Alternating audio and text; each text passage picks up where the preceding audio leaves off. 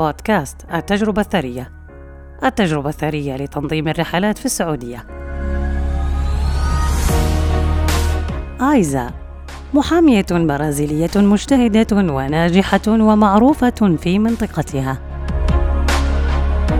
شاء الله أن تنجب طفلة لديها إعاقة سمعية. ومن هناك بدأت رحلة البحث عن حقوق الاحتياجات الخاصة والمهارات التي قد تخفف من حدة تلك الإعاقة.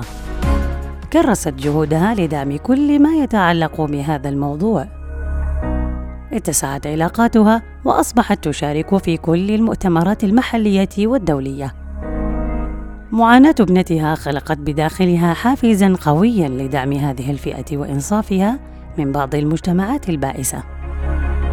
كانت مشاركتها الجديدة في أحد المؤتمرات المقامة في مدينة جدة والتي تصادف موعدها مع صدور قرار السماح للمرأة بالقيادة.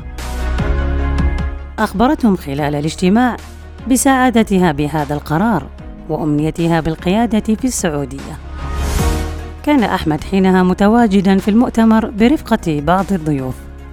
بعد الاجتماع قدم لها نفسه كمرشد سياحي وأخبرها بقدرته على توفير سيارة لتحقق أمنيتها.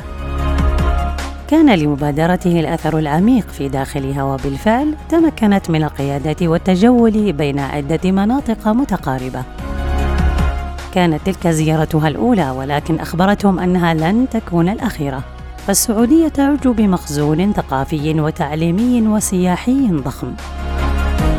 اتفقت مع أحمد على العودة بعد عدة أشهر لتبدأ رحلتها معه من مدينة أبها.